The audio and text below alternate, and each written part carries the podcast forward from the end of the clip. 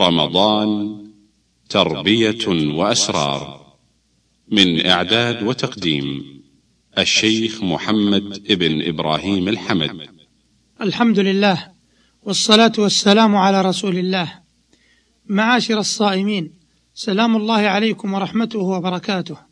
أما بعد فقد كان الحديث في الحلقتين الماضيتين يدور حول السبل المعينة على تربية الأولاد. والحديث في هذه الحلقة إكمال لما مضى فمما يعين على تربية الأولاد ونضجهم أن ينمي الوالد الشجاعة الأدبية في نفس الولد وذلك بإشعاره بقيمته وزرع الثقة في نفسه حتى يعيش كريما شجاعا صريحا جريئا في إبداء رأيه في حدود الأدب واللياقة بعيدا عن الإسفاف والصفاقة. فهذا النمط من التربية يشعر الولد بالطمأنينة ويكسبه القوة والاعتبار ويزيل عنه التردد والخوف والهوان والصغار.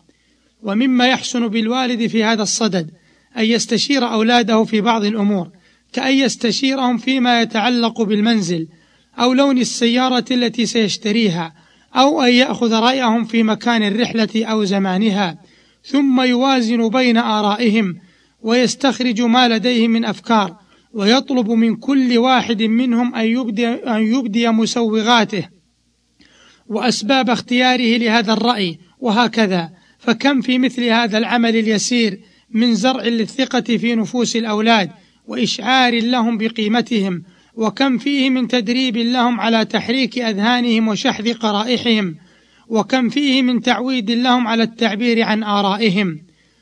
ومن الأساليب الطيبة في التربية تعويد الولد على القيام ببعض المسؤوليات كالإشراف على المنزل في حال غياب ولي الأمر وكتعويده على الصرف والاستقلالية المالية وذلك بمنحه مصروفا ماليا كل شهر أو أسبوع ليقوم بالصرف على نفسه وعلى حاجات المنزل وكمنحه الثقة في استقبال الضيوف وإعداد اللازم لهم وكتعويدهم على المشاركة الاجتماعية إما بالدعوة إلى الله أو إغاثة الملهوفين أو مساعدة الفقراء والمحتاجين أو التعاون مع جمعيات البر أو غيرها.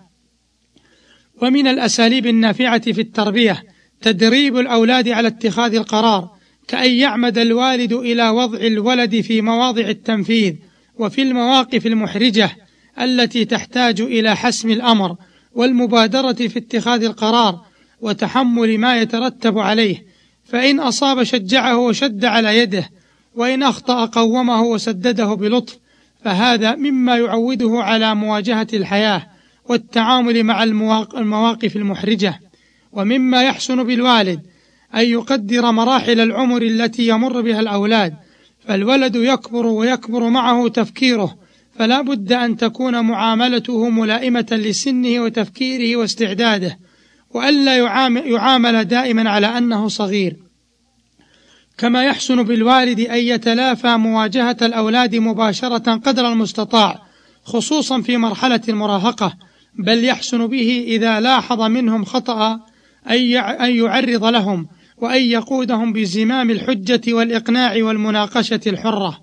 ومما ينبغي للأب مهما كان له من شغل أن يخصص وقتا يجلس فيه مع الأولاد يؤنسهم فيه ويعلمهم ما يحتاجون إليه ويقص عليهم القصص الهادفة لأن اقتراب الوالد من أولاده ضروري جدا وله آثاره الواضحة حيث تستقر أحوال الأولاد وتهدأ نفوسهم وتستقيم طباعهم. ومما يجدر بالوالد إذا تحدث إليه ولده خصوصا الصغير أن يصغي له تماما وأن يبدي اهتمامه بحديث الصغير كأن تظهر عليه علامات التعجب أو أن يبدي بعض الأصوات التي تدل على الإصغاء والاهتمام والإعجاب كأن يقول رائع حسن صحيح أو أن يقوم بالهمهمة وتحريك الرأس وتصويبه وتصعيده أو أن يجيب على أسئلة الصغير أو غير ذلك. فمثل هذا العمل له آثار إيجابية كثيرة فهو يعلم الولد الطلاقة في الكلام. ويساعده على تركيب أفكاره وتسلسلها ويدربه على الإصغاء وفهم ما يسمعه من الآخرين كما أنه ينمي شخصية الولد ويصقلها ويقوي ذاكرته ويعينه على استرجاع ما مضى ويزيده قربا من والده. ومما يحسن بالوالد أن يتفقد أحوال أولاده وأن يراقبهم من بعد فيلاحظهم في أداء الشعائر التعبدية من صلاة ووضوء ونحوه ويراقب الهاتف المنزلي أحيانا ويراقب الهاتف المنزلي أحيانا وينظر في جيوب أولاده وأدراجهم من حيث لا يشعرون كأن ينظر فيها إذا ناموا أو أن ينظر في أدراجهم إذا ذهبوا للمدرسة وإذا رأى ما لا يرضى تصرف بما يراه مناسبا. هذا إذا كان يرى الأولاد على حالة لا ترضى أما إذا كانوا صالحين فلا يلزم أن يقوم بمثل هذا العمل. ومما يحسن بالأب أن يربط ولده بالصحبة الطيبة وأن يكرم أصحاب ولده الطيبين الصالحين وأن يحثه على ملازمتهم وأن يحسن وأن يحسن الوالد استقبال أصحاب ولده إذا زاروه في المنزل بل يحسن به أن يحث ولده على استزارتهم. وإذا زاروا الولد فإنه يحسن بالأب أن يفرح بذلك وأن ييسر لهم ما يستطيع وأن يقابلهم بالبشر والأنس ولا بأس أن يجلس معهم ويتجاذب معهم أطراف الحديث وأن يسألهم عن أحوالهم وأحوال ذويهم. فهذا الصنيع يشعر الولد بقيمته ويحفزه على طاعة والديه والتمسك بصحبته. أما النفور من صحبة الولد الصالحة والجفاء في معاملتهم فلا تليق بالأب لأن ذلك يشعر الولد بعدم قبولهم فيسعى لمقاطعتهم أو التخفي في علاقته بهم أو أن يتركهم فيقع فريسة لصحبة السوء. وإذا بلي الولد بصحبة سيئة فعلى الوالد أن يراعي الحكمة في إنقاذه منهم. فلا يبادر إلى استعمال العنف منذ البداية ولا يسارع إلى إهانتهم أمام ولده. أو طردهم إذا زاروه لأول مرة لأن الولد متعلق بهم مقتنع بصحبتهم. بل ينبغي للوالد أن يتدرج في ذلك فيبدأ بإقناع ولده بسوء صحبته وأن عليه أن يفارقهم وأن يبحث عن أصحاب خير منهم ثم يقوم بعد ذلك بتهديده وإشعاره بأنه ساع لتخليصه منهم وأنه سيذهب إلى أولياء أمورهم كي يبعدوا أولادهم عنه. فإذا حذر الولد فإذا حذر الولد وسلك الوالد معه ما يستطيع وأعيته الحيلة ورأى أن بقاءه معهم ضرر محقق فهناك يسعى لتخليصه منهم بما يراه مناسبا. ومما ينبغي للوالدين ألا يضخموا أخطاء الأولاد بل عليهم أن ينزلوها منازلها وأن يدرك يدركوا أنه لا يخلو بيت من الأخطاء فمقل ومستكثر. أيها المستمعون الكرام ومن الأمور المعينة على التربية اصطناع المرونة. فإذا اشتدت الأم على الولد لأن الأب وإذا عنف الأب لانت الأم فمثلا قد يقع الولد في خطأ ما فيؤنبه والده تأنيبا يجعله يتوارى عن الأعين خوفا من العقاب. فتأتي الأم وتطيب نفس الولد وتوضح له خطأه برفق. حينئذ يشعر الولد بأنهما على صواب وأنه على خطأ فيقبل من أبيه تأنيبه ويحفظ لأمه معروفها والنتيجة أنه سيتجنب الخطأ مرة أخرى. ومن السبل النافعة في التربية التربية بالعقوبة.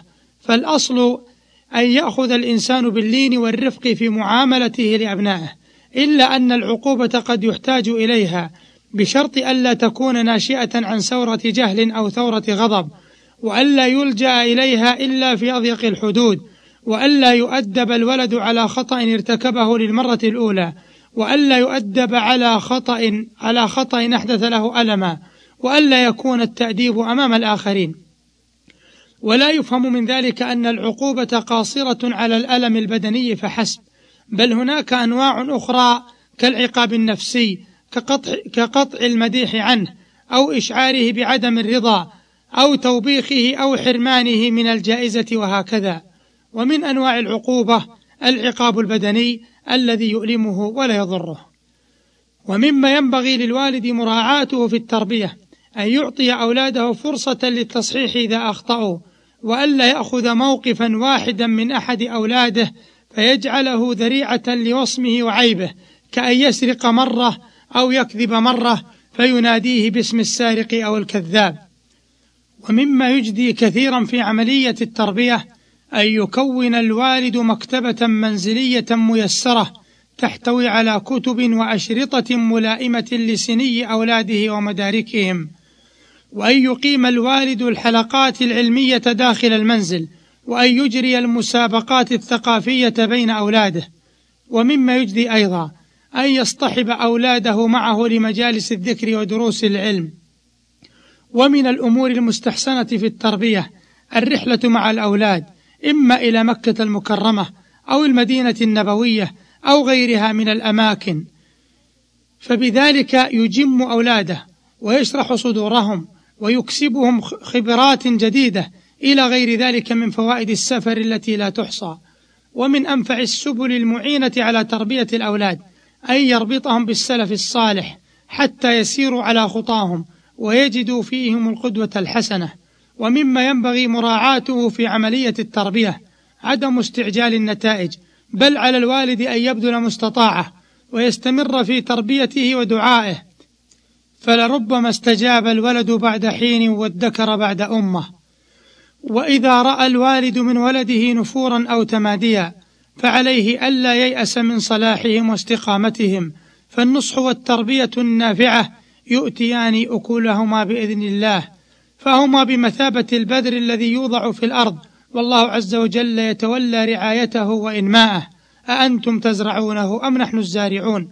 فبسبب التربية الحسنة يستقيم الأولاد ويقصرون عن التمادي في الباطل ويعذر الإنسان أمام الله كما أن وكما أن بر الوالدين واجب بكل حين وآن وعلى كل حال كان فإن على الوالدين أن يعين الأولاد الأولاد على البر وأن يشجعوهم ويشكروهم بل على الوالدين أن يغض الطرف عن بعض ما يصدر من الأولاد وعليهما أن يتنازل عن بعض حقوقهما خصوصا إذا رأيا من الولد إقبالا على العلم وجدا في الطلب ومصاحبة الأخيار خصوصا في بداية عمره. فعلى الوالدين أن يشجع الولد وأن يعذراه على بعض التقصير تقول أم سفيان الثوري لابنها سفيان يا بني اطلب العلم وأنا أكفيك بمغزلي. فكانت تغزل وتبيع وتصرف على سفيان وتفرغه لطلب العلم فأصبح الإمام المتبوع وأمير المؤمنين في الحديث مع أنه نشأ يتيما. ومن الأمور المعينة على التربية استشارة من لديه خبرة بالتربية وقراءة الكتب المفيدة في التربية واستحضار فضل التربية في الدنيا والآخرة واستحضار عواقب الإهمال والتفريط.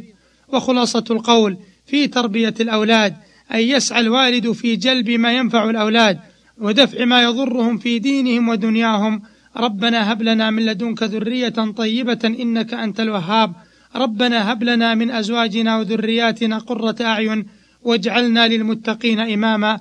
وصلى الله وسلم على نبينا محمد والسلام عليكم ورحمة الله وبركاته. تم تنزيل هذه المادة من موقع نداء الإسلام www.islam-call.com